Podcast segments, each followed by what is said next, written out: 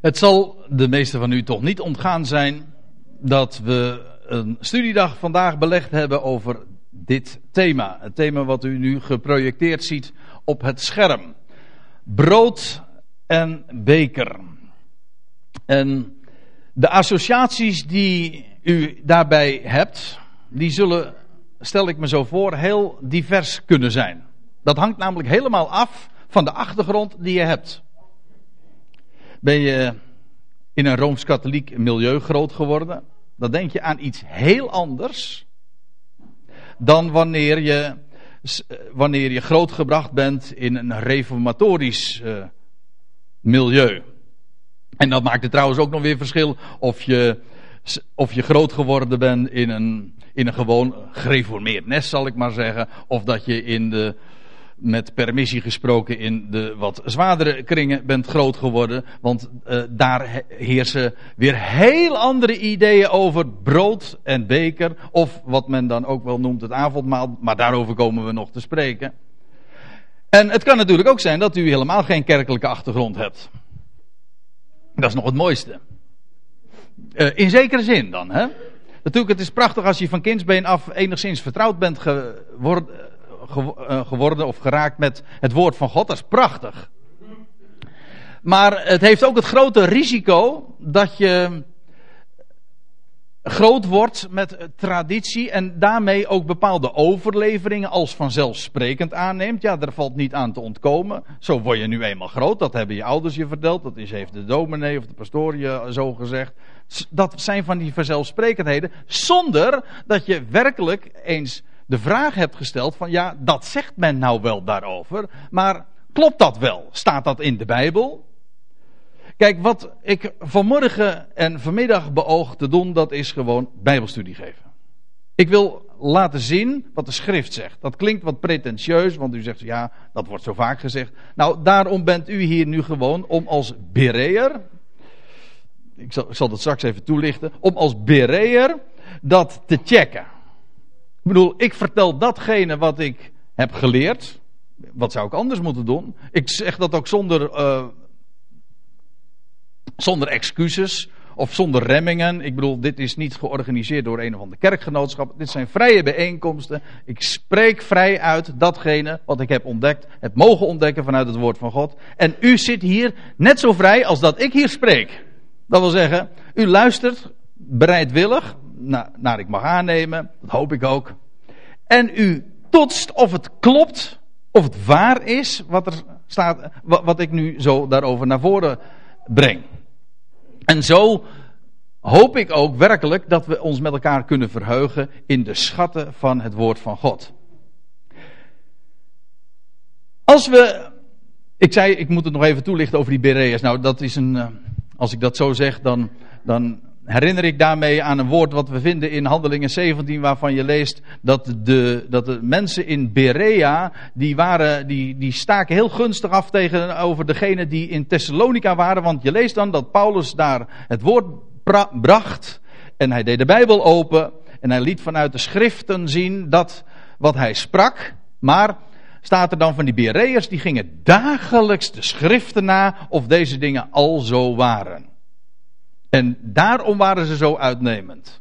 En daarom hoop ik echt ook van harte dat, dit, dat, dat u ook zo'n bereer bent. En aan de ene kant bereidwillig aanhoren, gewoon wat er gezegd wordt. Aan de andere kant gewoon checken. Klopt het? En u bent volkomen vrij om uw eigen conclusies daarin te trekken. Want ook dat is heel belangrijk.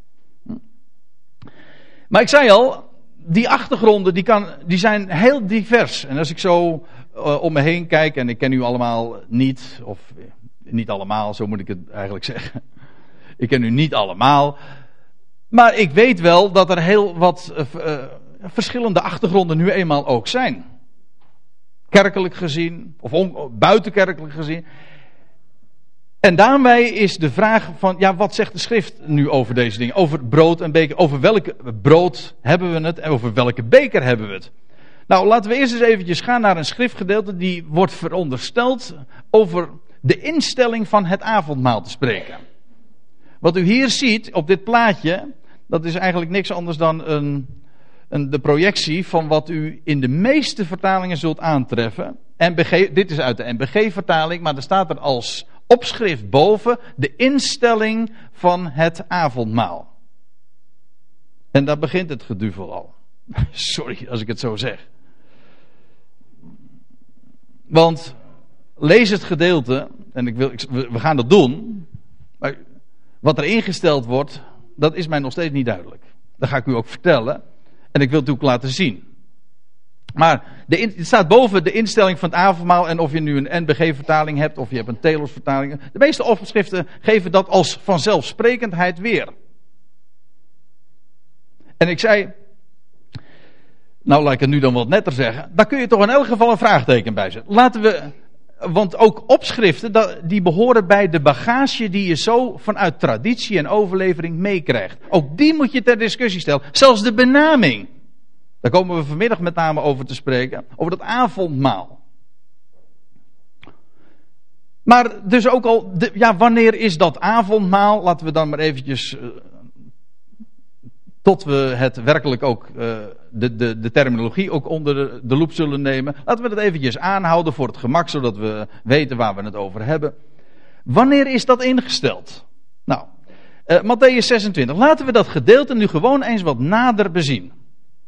Daar lees je, en ik moet even de achtergrondinformatie daarover geven. Daar lees je, dat is de nacht voordat Jezus wordt overgeleverd. En de dag daarop zou hij, hij zou de, de volgende dag worden gekruisigd. Wel, in de nacht dat hij werd overgeleverd, heeft hij met zijn discipelen het paascha gegeten.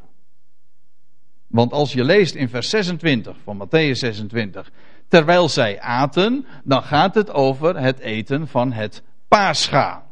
En dan zijn we echt in een Joodse achtergrond uh, verzeild geraakt. Want ik, ik noemde zojuist eventjes, de, uh, je kunt een kerkelijke achtergrond hebben, je kunt een buitenkerkelijke achtergrond hebben, maar je kunt ook nog een Joodse achtergrond hebben. En dan kijk je er nog weer heel anders tegenaan. Hoewel ik erbij moet zeggen, dat heeft wel weer een groot voordeel, want dan komen bepaalde dingen je ineens heel erg bekend voor. Hoe het ook zij, er staat hier, en terwijl ze aten, dan gaat het, dan verwijst hij terug naar het, het 17e vers, het gaat over het eten van het paascha. En tot op de dag van vandaag is dit een bekend fenomeen. Een van de, de hoogtepunten in het, in het Joodse kalenderjaar. In het, in, in, de, in het Joods-kerkelijke jaar, zeg maar. Want op de 14e Aviv, de 14e Nisan, wordt in de avond een maaltijd gevierd. Dat herinnert aan de uittocht uit Egypte. En dat vindt u al in Exodus 12. U moet zich realiseren, als de Heer Jezus hier een maaltijd eet, een avondmaaltijd, was dat niet zomaar een avondmaaltijd. Nee, hij hield daarmee een instelling. Hij stel, laat ik al, even alvast een, een, een voorschot geven.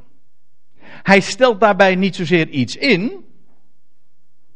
Ik zal straks nog wat scherper zeggen. Maar hij houdt een instelling. Een instelling dat in die dagen al bijna 1500 jaar oud was. Want het volk van Israël vierde reeds vanaf de dagen van de uittocht. Gedurende de woestijnreis. Gedurende heel het uh, verblijf in, in het land. Al die 15 eeuwen heeft Israël het Pascha gevierd. Op die bewuste avond in het jaar. Die ene avond. Als een lam geslacht werd. Als er boven, bij die maaltijd ook brood gegeten werd, wijn gedronken werd, diverse bekers werden, gingen er dan ook rond. Nou, over die maaltijd hebben we het. Dat is wat de Heer Jezus hier met zijn discipel at. En de, hij had een paar van zijn discipelen van tevoren er al op uitgestuurd en zei van nou, ga, ga, het, ga de maaltijd bereiden. Het paascha bereiden. Over die maaltijd hebben. Ik, ik benadruk het extra. Waarom? Om aan te geven dat dat de achtergrond is. Jezus houdt hier een eeuwenoude uh, instelling.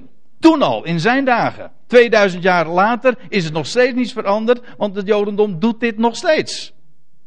Houdt men deze instelling, de die, dat specifieke avondmaal, eenmaal per jaar, was bestemd voor Israël, bestemd bovendien voor die, die, bij die ene gelegenheid. Oké, terwijl zij aten, Dan lees je, eh, nam Jezus een brood en hij sprak de zegen uit en hij brak het. U moet erbij, daarbij ook uh, bedenken dat het ongezuurd brood was. Het was uh, de, de week van de matzes. Pesach, dat is een week, is een, een feest waarbij men gedurende een zevental dagen ongezuurd brood, dat wil zeggen matzes eet. Van die platte broden, weet u wel. En hij brak het. En hij gaf het aan zijn discipelen. Waarom brak hij het? Nou, gewoon om het te kunnen geven. Dat, ik kom er vanmiddag nog even op terug. Of nee, vanmorgen is dat uh, maar bij een latere gelegenheid.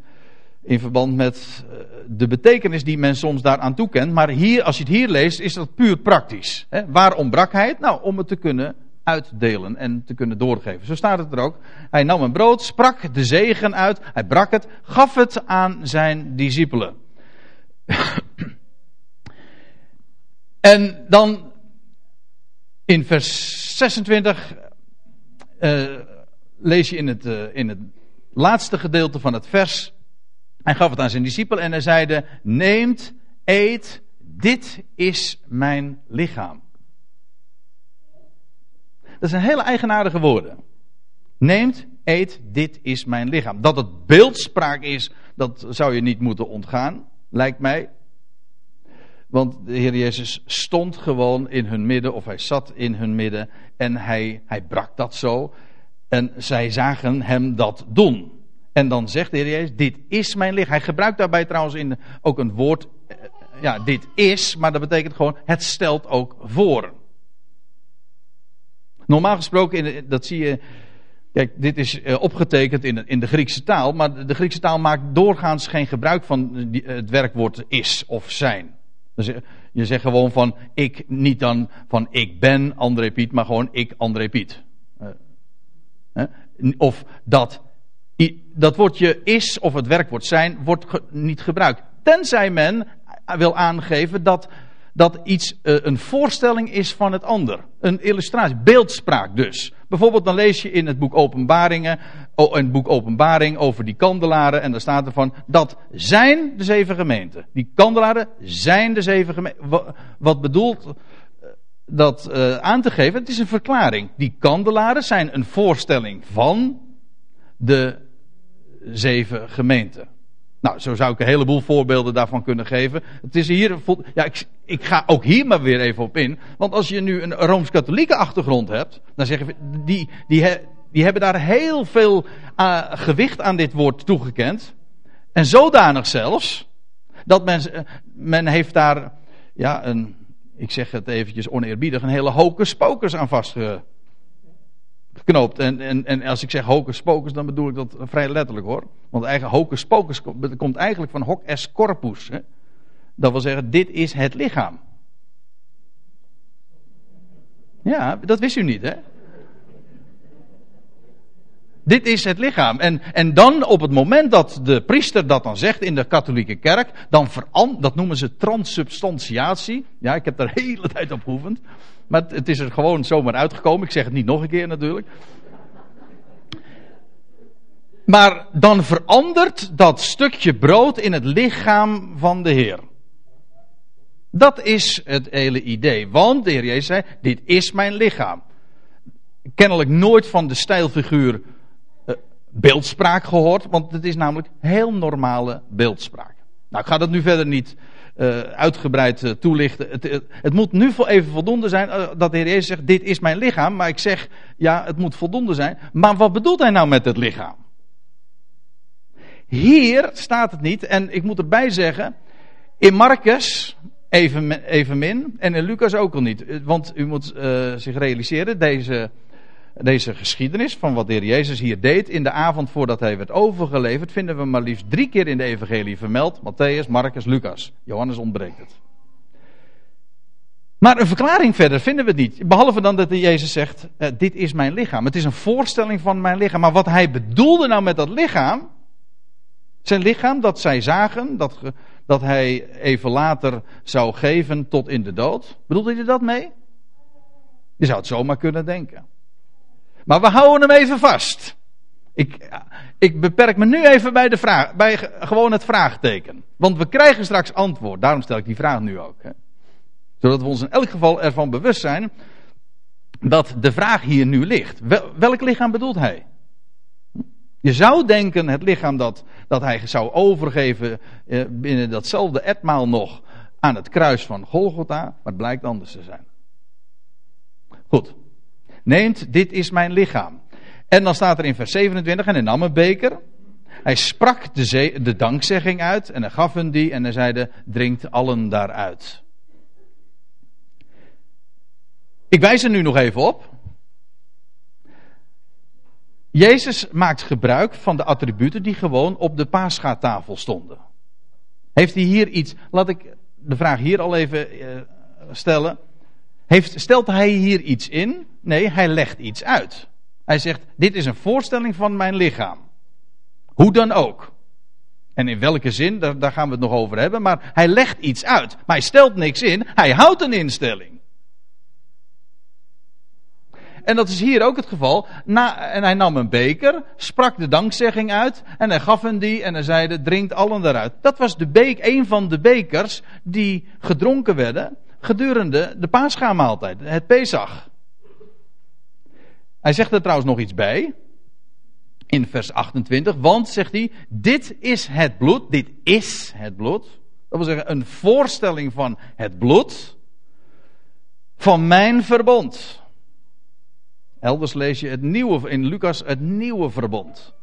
Dat voor velen vergoten wordt tot vergeving van zonde. Eigenlijk wordt daar bij vergeving denken wij van, nou, het verleden wordt niet meer gedacht. Hè? Dat is wat vergeving immers is. Maar eigenlijk staat hier een woord dat letterlijk betekent loslating. In de zin van bevrijding. Zoals gevangenen worden losgelaten. Vergeving van zonde betekent niet alleen maar van dat de Heer niet meer de zonde gedenkt. Het is veel meer. Vergeving van zonde, het is bevrijding van zonde. Dat wil zeggen, je wordt uit, het, uit de gevangenis van zonde, word je vrijgelaten, zodat je, en zonde betekent toch doel missen, nietwaar? Zodat je, als je bevrijd wordt van zonde, dat betekent dat je een leven krijgt van zin en van inhoud, dat doel heeft. Dat is niet alleen, heeft dus niet alleen maar te maken met bevrijding van het verleden, dat dat je niet meer wordt aangerekend. Nee, het heeft te maken met nu. Ik realiseer me dat, het, dat die vergeving daar ook bij ingesloten is. Natuurlijk, de Heer, de Heer gedenkt dat niet meer. Een van de zegeningen trouwens van het nieuwe verbond dat God ooit had beloofd aan, aan Israël, in Jeremia 31, we komen er vanmiddag op terug. Dat was juist dat de Heer hun zonde niet meer zou gedenken. Trouwens, kenmerkend van het nieuwe verbond is dat God alles voor zijn rekening neemt.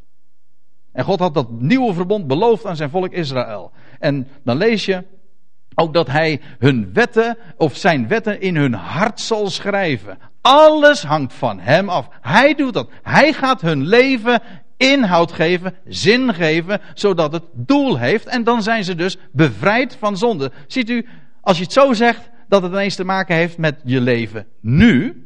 Dat je leven nu inhoud krijgt en dus bevrijd is van zonde. Dat is veel meer dus dan alleen maar dat verleden dat niet meer wordt aangerekend of waar een dikke streep doorgezet wordt. Dus een, zo'n een, een, een, woord dat heel tricky is, die, die vergeving van zonde, omdat het namelijk een, een versmalling is van de Bijbelse zienswijze. Het is een bevrijding van. Als er staat in Matthäus 1 van dat de Heer Jezus, hij zijn naam zou Jezus luiden, want hij is het die zijn volk zou verlossen van hun zonde. En dan denken we van, oh dat betekent verlossen van de straf van hun zonde. Nee, dat staat er niet. Verlossen van de zonde. Dat wil zeggen, zodat ze zondevrij zijn. Zodat hun leven zin heeft. Want dat is toch wat het betekent als je bevrijd bent van zonde. Bevrijd van doelloosheid en dus dat je leven doel en inhoud en zin heeft gekregen. Het is nu niet het onderwerp, dus ik, ik, ik passeer het dan toch maar weer snel. Maar ik wilde toch even van de gelegenheid gebruik maken om daarop te wijzen. Voldoende is nu even om erop te wijzen dat de Heer Jezus ook hier die beker uitlegt. Hij zegt niet van voortaan moeten jullie de beker drinken of zo. Dat deed ze toch wel. Dat was een van de attributen, een van de ingrediënten van die maaltijd. er werd een lam gegeten, er werd een, de, de, het, het, brood ging rond. Daar kwam, was trouwens nog meer ook hoor. Dat lees je ook in Exodus 12. Dat, die maaltijd had allerlei elementen. Maar een van, die ele, een van de dingen die op de tafel stonden, dat was dat ongezuurde brood. Maar ook de beker, de wijn, die rondging. Dat stelde de Heer niet in. Dat was al eeuwenlang het gebruik. Wat de Heer hier doet, is het uitleggen en er nieuwe betekenissen aangeven die ze nooit eerder hadden vermoed. En dat zegt hij hier ook. Hij zegt: Het is een voorstelling van het bloed van mijn verbond. Ik kom er vanmiddag nog wel op terug. En er staat nog bij dat voor velen vergoten wordt tot, tot bevrijding van zonde. Dat bloed spreekt van het slachtoffer. Van hem die stierf en ook opstond. Ook daar gaan we het vanmiddag nog over hebben. Ja. Ik weet dat er mensen zijn die, die tussen de middag al eh, weg moeten. Ja, dan hebt u pech. Hè. Dan mist u wat, maar het komt allemaal op internet te staan. Dus uh, maakt u zich geen zorgen. Goed, ik lees verder. Doch ik zeg u. Zegt de Heer Jezus uh, in vers 29. Uh, daar lees je dat dan. Doch ik zeg u, ik zal van nu aan voorzeker niet meer van deze vrucht van de wijnstok drinken. U, kunt u het zich voorstellen? De Heer Jezus die staat daar in het midden van zijn discipelen. Of hij zit daar aan die tafel en, en hij heeft die beker in zijn handen. Hij zegt, ik zeg u, van nu aan zal ik voorzeker niet meer van deze vrucht van de wijnstok drinken. En wat, wat Jezus toen daarbij in gedachten gehad heeft. Want hij zou een, een uur of wat later zou hij, nou waarschijnlijk nog minder, zou hij de, de opperzaal verlaten hebben en zou hij naar Gethsemane gaan. En zou hij tot drie keer toe zo vurig de Heer zijn vader hebben gebeden van neem deze drinkbeker aan mij, eh, laat hem aan mij voorbij gaan. Dus dit is, dit is ja, die woord, als je dit zo leest, dan ontgaat dat je zomaar heel gemakkelijk. Maar realiseer je de, hoe, e- hoe een emotioneel moment dit voor Jezus is geweest, trouwens voor de discipelen ook. Want die wisten ook wat, dat er dingen stonden te gebeuren. Maar als, Jezus wist als geen ander wat hem nu boven het hoofd hing. Over de drinkbeker. Ja. Maar Jezus zegt hier dus, hij zegt, ik zal van nu aan voorzeker niet meer van deze vrucht van de wijnstok drinken, tot op die dag dat ik haar met u nieuw zal drinken in het koninkrijk van mijn vader. Nieuw, ja, nieuwe wijn dus dat klinkt een beetje vreemd. Ja, natuurlijk nieuwe wijn, want wijn kan maar één keer gedronken worden. Ja, maar want dan zou je zeggen van dat woordje nieuw, dat, dat is eigenlijk een, een overbodige toevoeging. Maar ik denk het niet. Nieuw betekent op een nieuwe wijze.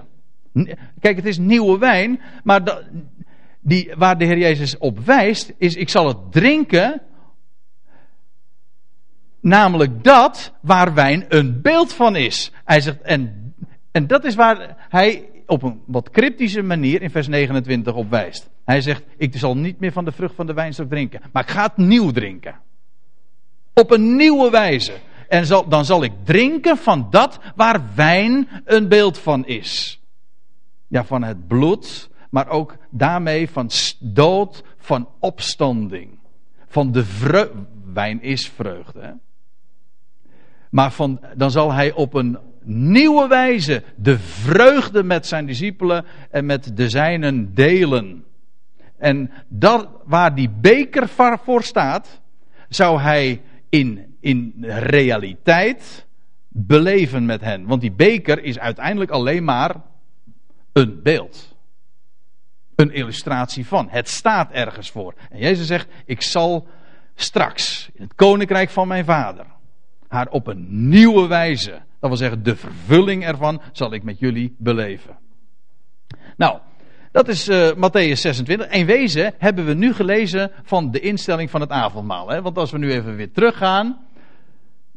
En ik, dan, wijs, dan wijs ik erop dat ik nu deze versen met u gelezen heb. En we zo kort zijn we er doorheen gegaan. En nu kijken we nog een keertje naar, die, naar dat opschrift. En nou stel ik de vraag: hebben we iets gelezen over de instelling van het avondmaal? Ja, u mag nu zeggen, ik, over het algemeen geef ik u niet daarvoor de uh, gelegenheid. En ik denk, van, ik, ik spreek, u luistert. Maar laten we wel wezen, wat wordt hier ingesteld? Hoe geliefd het misschien ook is en hoe, hoezeer het ook in ons gedachtenwereld een plaats heeft gekregen doordat we het altijd zo gehoord hebben. Wanneer is het avondmaal ingesteld? Nou, dat heeft de Heer Jezus gedaan in de nacht voordat hij werd overgeleverd.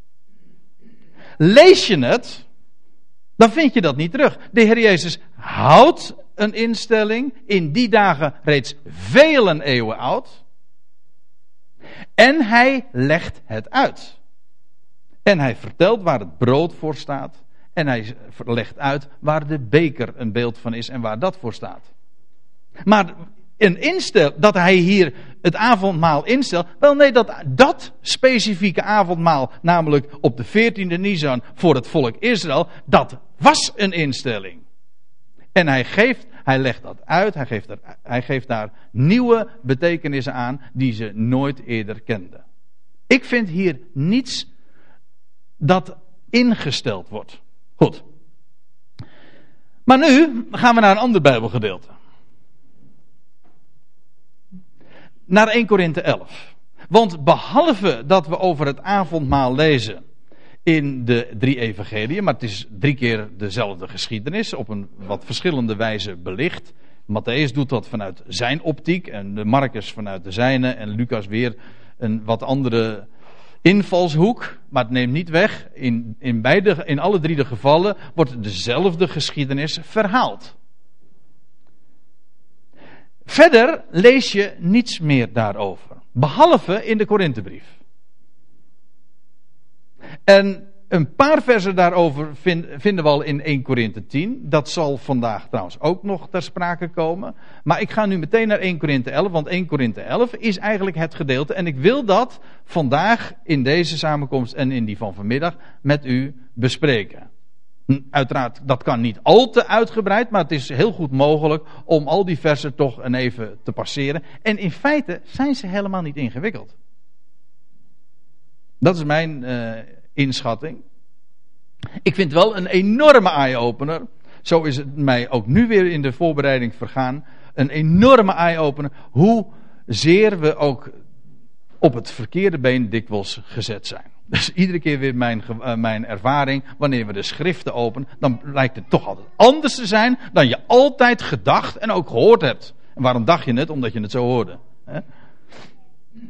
Ja, zo werkt dat. 1 Korinthe 11. Daar lees je in vers 20 dat Paulus dit zegt. Wanneer jullie dan bijeenkomen, wanneer gij dan bijeenkomt, dat zegt hij dus tegen de Corinthiërs, of schrijft hij aan de Corinthiërs. Hij zegt, dan is dat niet het eten van de maaltijd van de Here. Ik moet er twee aantekeningen bij maken eventjes om de puntjes op de i te zetten. In de eerste plaats staat daar niet, ja, dat lijkt wat onbenullig als ik erop wijs of dat u zegt, dat u zegt van nou, grammaticaal ben ik niet zo onderlegd, dus laat, bespaar mij die informatie maar. Maar er staat hier eigenlijk in het, in het Grieks niet zozeer de maaltijd des heren, maar er staat de heerlijke maaltijd. Alleen, dat moet je dan echt toelichten. Want bij heerlijke maaltijd denk je aan een maaltijd waarbij je smult. Niet waar? Maar zo bedoel ik het niet. Ik bedoel, de Heer, streepje, de heerlijke maaltijd. Dat wil zeggen, een maaltijd die wijst op, hoe dan ook, naar de Heer. Dat is echt heerlijk, hè? Als je, als je wil weten wat heerlijk is, moet je niet aan, lekker denken. Nee, weet je wat heerlijk is? Wat is vorstelijk? Nou, wat je doet denken aan een vorst. Je hebt trouwens ook een vorstelijke maaltijd, denk ik ineens. Hm? Ik heb vorstelijk gegeten. Maar een heerlijke maaltijd is een, een, een, Dat is zoals Paulus erover spreekt. De vertalers hebben het zo weergegeven en ik kan het ze moeilijk kwalijk nemen, omdat heerlijk een andere betekenis bij ons heeft gekregen. Maar heerlijk in de letterlijke zin van het verwijst naar de Heer. Heb je een goede vakantie gehad? Ja, de vakantie was heerlijk. Als je, eh, dat is ook het mooiste wat je elkaar kan toewensen. Een heerlijk leven. En het heerlijkste leven wat er bestaat, is een leven dat werkelijk gericht is op de Heer. En gevuld is met dat wat Hij geeft en gesproken heeft en belooft. Want u weet, zijn woord is altijd belofte. Hij vraagt van ons, hij legt niks op onze schouders. Integendeel, hij neemt van onze schouders en hij vult ons met zijn belofte en met zijn woord en met zijn vreugde. Dat is de eerste aantekening. Ik vind het wel mooi. Dus de heerlijke maaltijd. Eigenlijk moeten we hem er gewoon inhouden en dan veranderen wij gewoon de Nederlandse taal. En als mensen dat dan niet begrijpen, is dat hun probleem, denk ik dan. Maar wij weten gewoon wat heerlijk is. Dat mensen niet weten wat heerlijk is. Ja, dan denk ik, hoe komt dat? Omdat ze het ook niet verteld wordt. En als degene nou die het weten het niet vertellen, ja, hoe zou ze dan ooit nog aan de weet kunnen komen? Dus wij we houden het er gewoon in. Zullen we dat afspreken bij deze? De heerlijke maaltijd. Goed, maar dan moet ik er nog iets bij zeggen. Dat woordje de hier ontbreekt. En dat is veel meer dan een grammaticale aanwijzing hoor. Want daar zit nogal wat aan vast. Paulus heeft het hier niet over de maaltijd. Als, kijk, daar zit alweer die suggestie in van dat er uh, een speciaal ritueel zou zijn dat Korinthe hier zou onderhouden. De maaltijd des Heren. alsof er iets zou zijn wat de Heer ooit zou hebben ingesteld. Vandaar ook natuurlijk dat opschrift uh, in, in Matthäus en Marcus en Lucas. Maar er staat hier helemaal niet de maaltijd. Er staat hier gewoon maaltijd.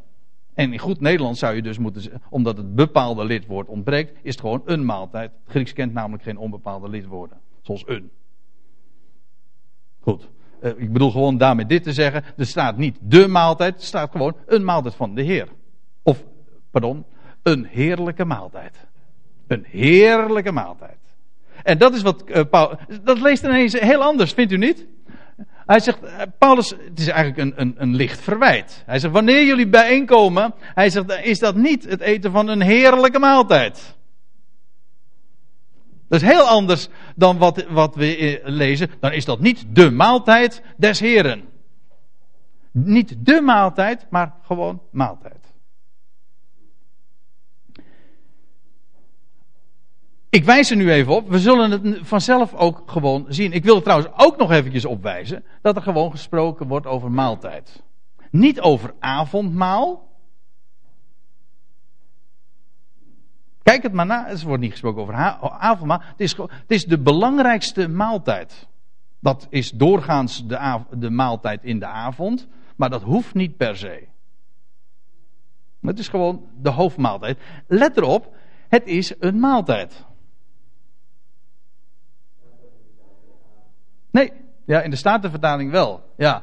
En uh, dat, de, het idee is op zich niet zo heel erg gek, dat men, dat er, maar het woordje avond ontbreekt. Het, het, het, idee is, het is de belangrijkste maaltijd. En, maar dat dat in de avond uh, zou zijn, dat staat er niet bij. Het is gewoon maaltijd. Uh, als ik me niet vergis, nou nee, ik, ik vergis me niet.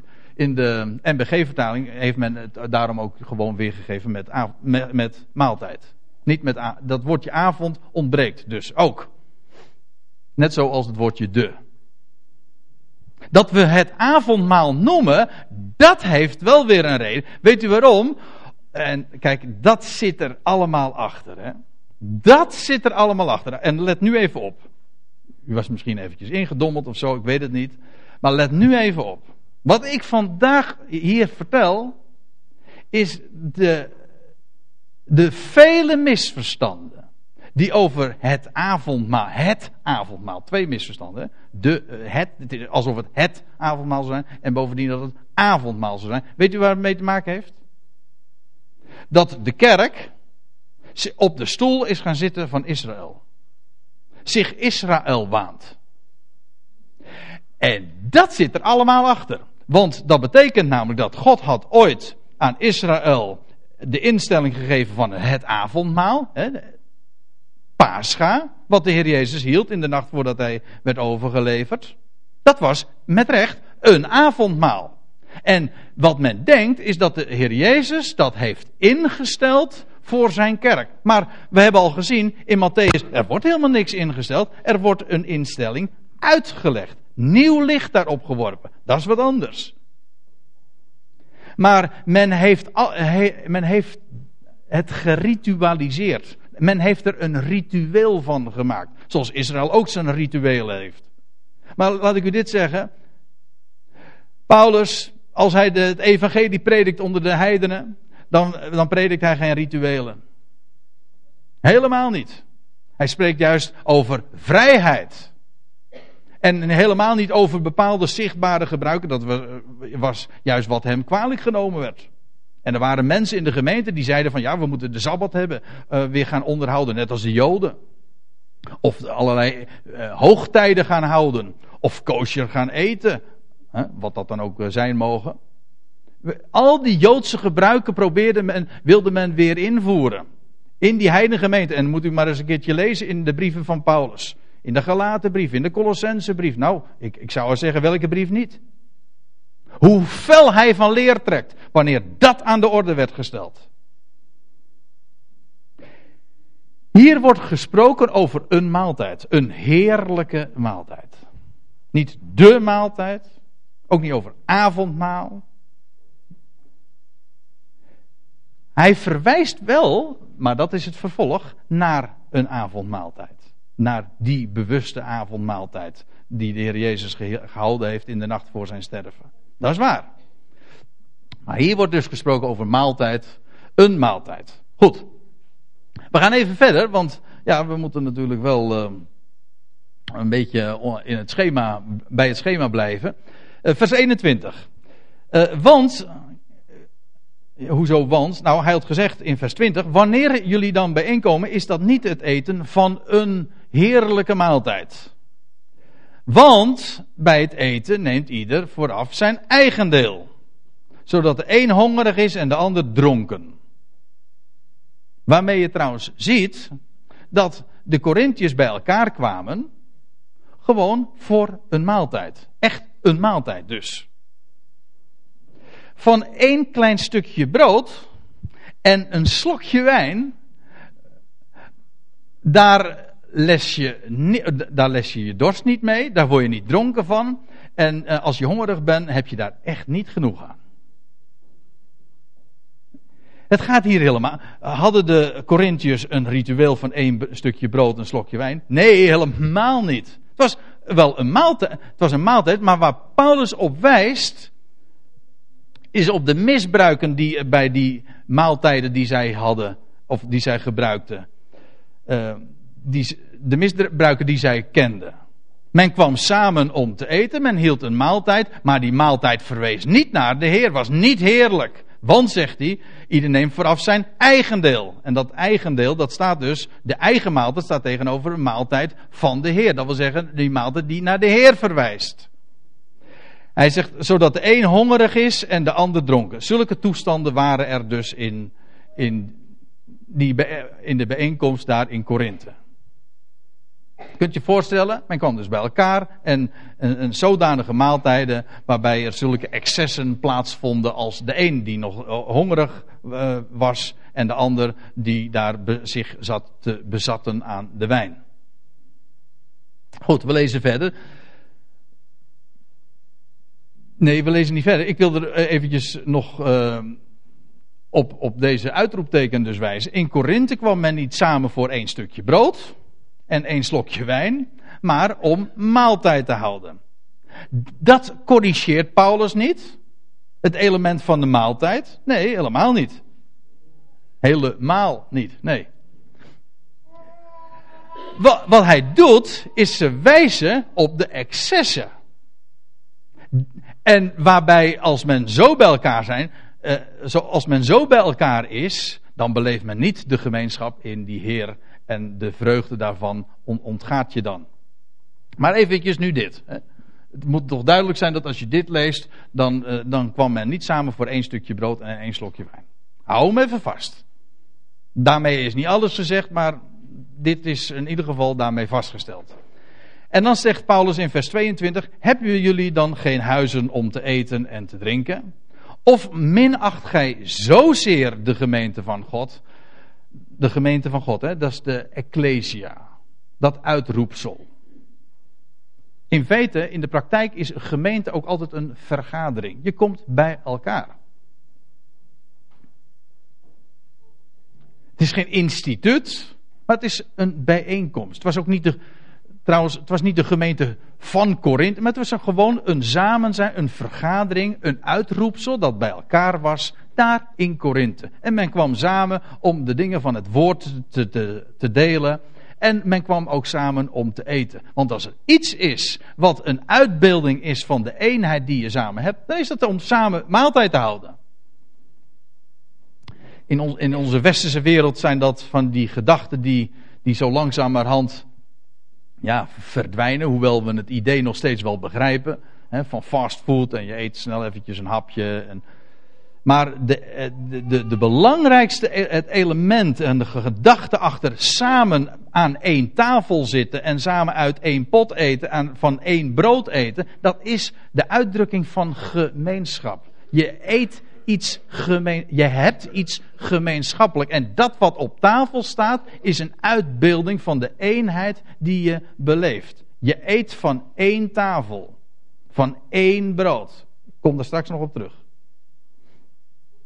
Hij zegt, maar ja, is het geen minachting van die eenheid, van, de, van dat samen zijn van de gemeente Gods, als je de behoeftige op deze manier beschaamt? Dat een zich zit te bezatten terwijl de ander nog behoeftig is. Hij zegt, wat zal ik, wat zal ik tot u zeggen? Zal ik u prijzen? Nou, hij zegt Paulus, op dit punt kan ik u niet prijzen. En dan gaat hij verder. Want zelf heb ik, staat er dan in de MBG-vertaling bij, bij overlevering van de Here ontvangen.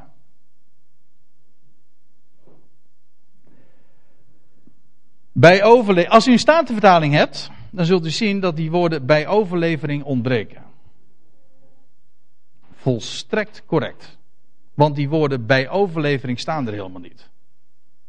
Die zijn door overlevering ingevoerd.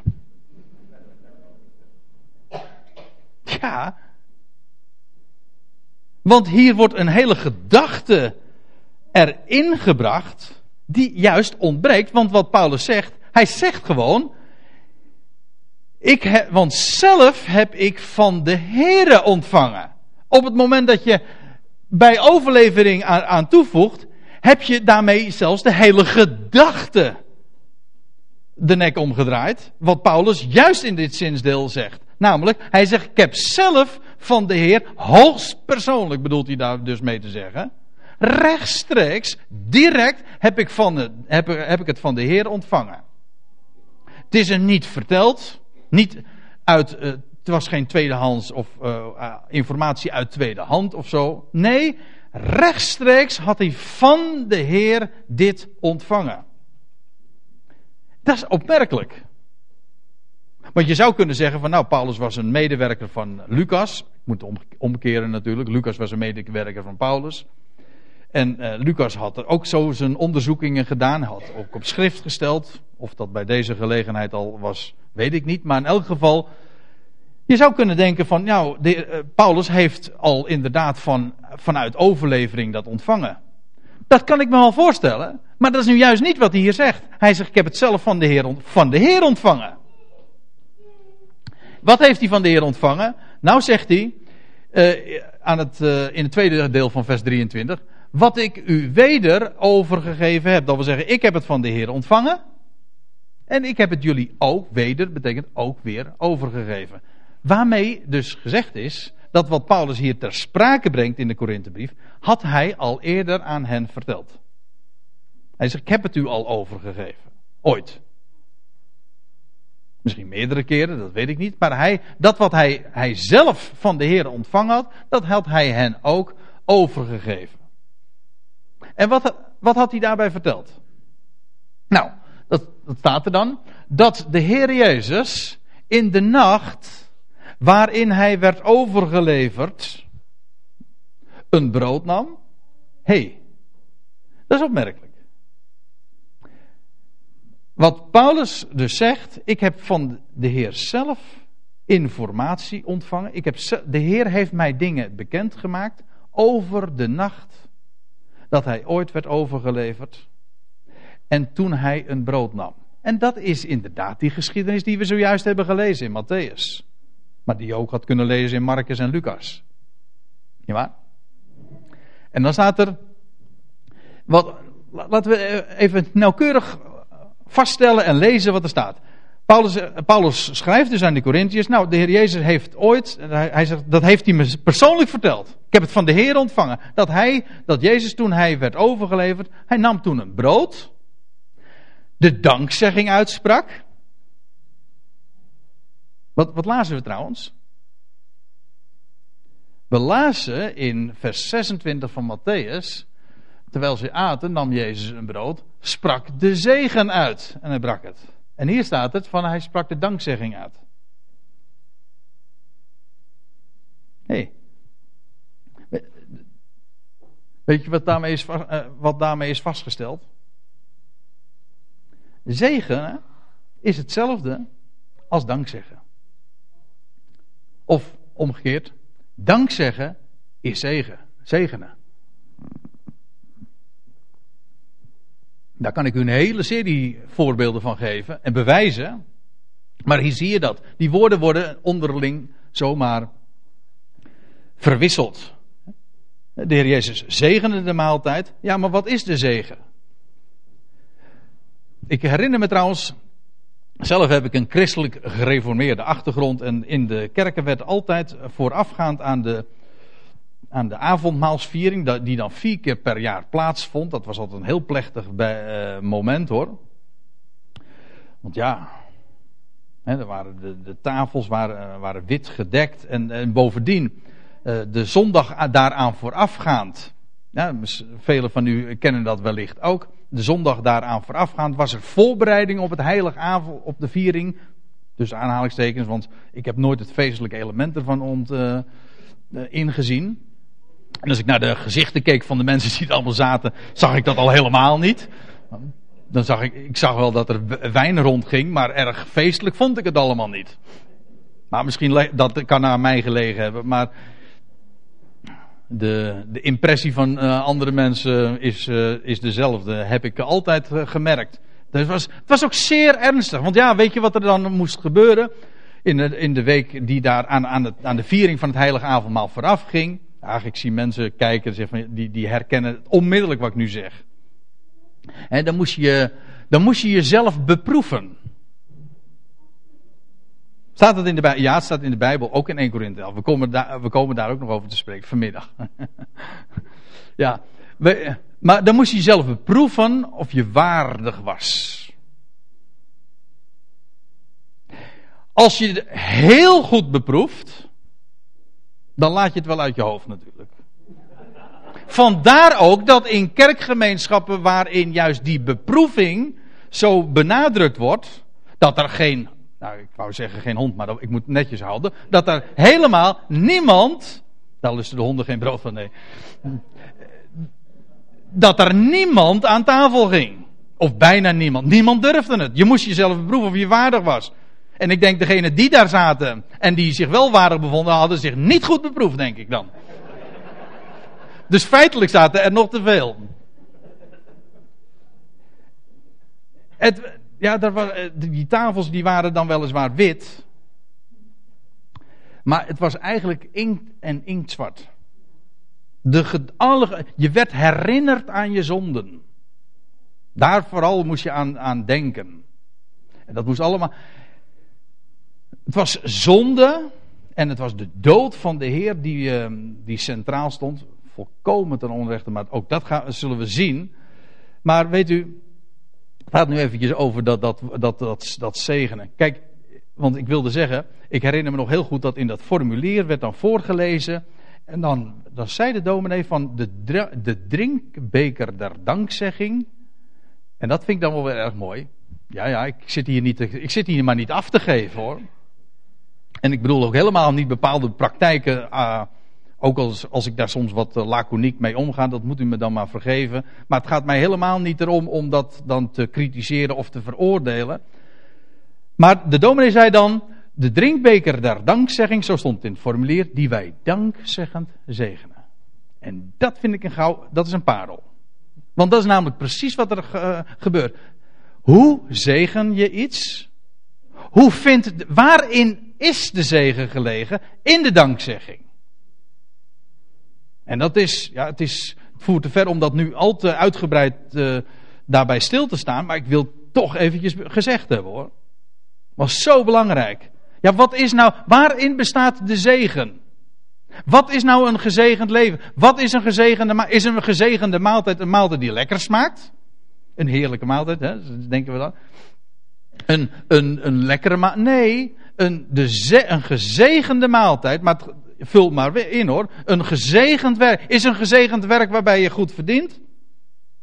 Of is een gezegend werk eh, een werk waarbij je het naar je zin hebt? Nee, niet noodzakelijk. Zegen is gelegen in de dankzegging. Als je hem dankt, dan is dat de zegen. Omgekeerd is dat natuurlijk dan ook zo. Als je hem niet dankt, is het ook niet gezegend. Dus dan kun je bulken van het geld of een hartstikke mooi beroep eh, uitoefenen. En is dat dan een zegen? Nee, dat is geen zegen. Weet je, het wordt een zegen op het moment dat je hem gaat danken. En we hadden het eerder in deze samenkomst over dat dank, dank u voor alle moeilijkheden en dank u voor veel, strijd en, en tegenslag en zo. Weet je hoe dat kan? Weet je wat er gebeurt? Op het moment dat je dat gaat doen, dan wordt het een zegen. De zegen van een moeilijkheid, van een probleem, van tegenslag, ook van zwakheden. hoe kun je nou de Heer danken voor iets waar je mee zit te tobben? Waarom niet? Ik ben ervan overtuigd dat op het moment dat je het aan hem geeft. Ja, het voert te ver om dat uitgebreid bij stil te staan. Maar het, op het moment dat je aan hem iets geeft, dan wordt het anders. Waarom? Omdat hij. Hoe, hoe was het ook alweer? Dat jochie, hè? Dat, ene, dat jochie dat, dat vijf broden en twee vissen had. Was niet veel. Zeker niet voor die vijfduizend mensen die gevoed moesten worden. Stelde helemaal niks voor. Maar weet je wat de Heer deed? Toen hij die broden kreeg? Hij dankte. En zo vermenigvuldigde hij het brood. Ik, wat ik bedoel te zeggen is dit. Op het moment dat je het aan hem geeft, verandert het. En Paulus zegt dan, dat zegt hij niet in de eerste Korinthebrief, maar in de tweede Korinthebrief. Hij zegt, ik heb een behagen in moeilijkheden en in tegenslagen. En in zwakheid. Ik dank God ervoor. Waarom? Ja, zo moet je leren denken hoor. Hij zegt, waarom? Voor je, hoe kun je nou God danken voor dat waar ik mee top? Nou, op het moment dat je, op het moment dat je hem ervoor dankt, wordt het een zegen, want als ik zwak ben, is hij machtig. En zijn kracht wordt in zwakheid volbracht. Dus is jouw zwakheid geen probleem meer, maar juist een geweldige gelegenheid voor hem om zijn kracht te demonstreren. En zo kun je hem danken in alles. En wordt alles ook een zegen.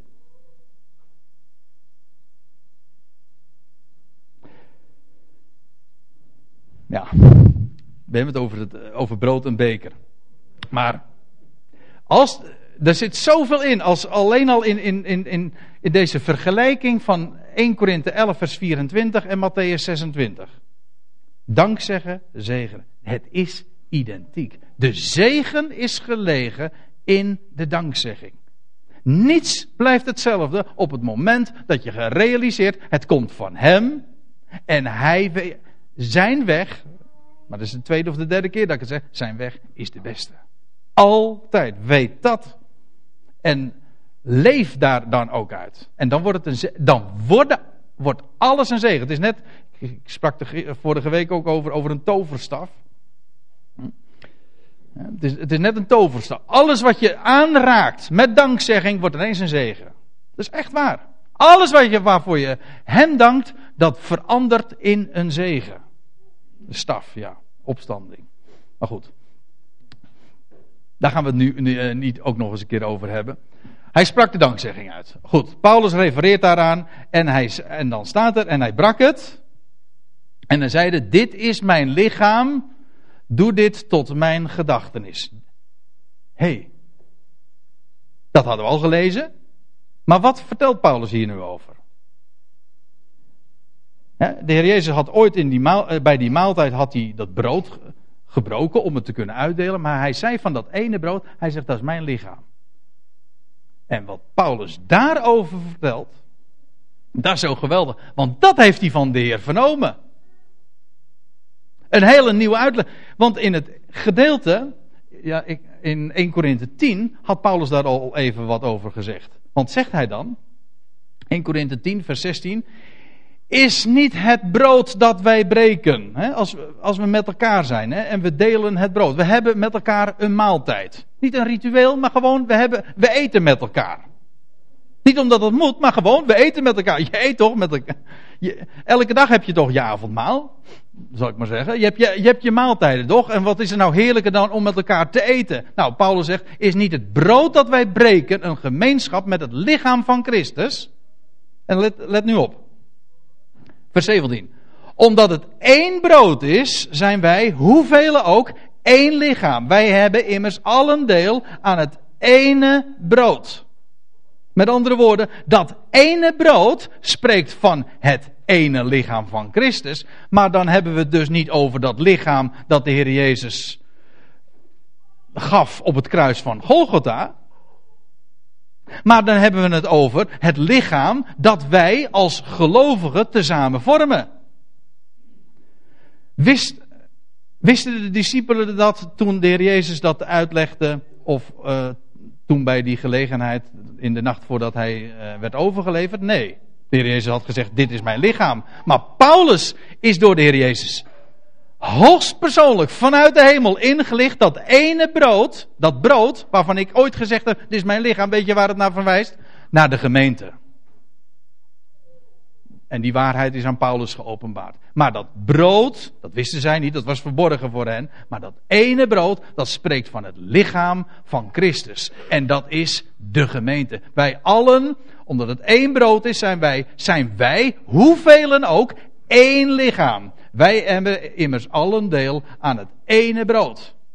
Zodat als de Heer Jezus toen ooit in de nacht, voor zijn overlijden, sprak over dit is mijn lichaam, verwees hij, volgens de apostel Paulus, naar het lichaam van Christus, de gemeente. Dat is de uitleg. Die Paulus hoogstpersoonlijk vanuit de hemel van Christus had ontvangen. Ja, het ene brood spreekt van de gemeente, het ene lichaam van Christus. Ja, en dan moet ik erop wijzen dat het dus ook absoluut onmogelijk is. En misschien uh, zeg ik daarmee onwelgevallige dingen voor sommige mensen, maar dat moet nog maar een keer. Uh, dat wat in de Statenvertaling eraan toegevoegd is, en helaas ook in een vertaling waar ik altijd heel hoog over opgeef, de Concordant Version. Maar die hebben uit, uh, die, daar staat uh, mijn lichaam voor u gebroken. En dat is, terwijl alle de, de handschriften zijn zo goed als unaniem in het feit dat dat gebroken er niet staat. Slechts één handschrift heeft gebroken. Maar de meerderheid is, twee van de drie hoofdgetuigen zeggen, daarbij ontbreekt dat woord gebroken. Dat woord gebroken, dat gewoon puur tekstkritisch gezien staat het er al niet, hoort het er al niet te staan. Maar als je de gedachte die Paulus doorgeeft ook verstaat, dan begrijp je op voorhand dat kan niet, de dat kan niet waar zijn. Dat lichaam is niet gebroken. Integendeel, dat is één. En al wordt dat brood dan gebroken, dat heeft alleen maar een praktische functie, namelijk om het te kunnen uitdelen. Maar in betekenis blijft het gewoon één lichaam. Of ja, wij hebben alles deel aan het ene brood. En dat, dat spreekt van het ene lichaam van Christus. Dat is niet gebroken. Trouwens, ik moet erbij zeggen, de, het lichaam van de Heer Jezus, ook dat hij gaf op het kruis van Golgotha, werd niet gebroken. Zelfs, zelfs dat lichaam is niet gebroken. Heel uitdrukkelijk niet, want geen been zou van hem gebroken worden. Dus of je het nou hebt over het, het lichaam van de Heer Jezus dat stierf aan het kruis van Golgotha, dat werd niet gebroken. Maar het brood waarvan de Heer Jezus zegt, dit is mijn lichaam, dat blijkt volgens de apostel Paulus te spreken van het lichaam van Christus, de gemeente. Nou, dat is niet gebroken, dat is één. Dat is juist de essentie ervan.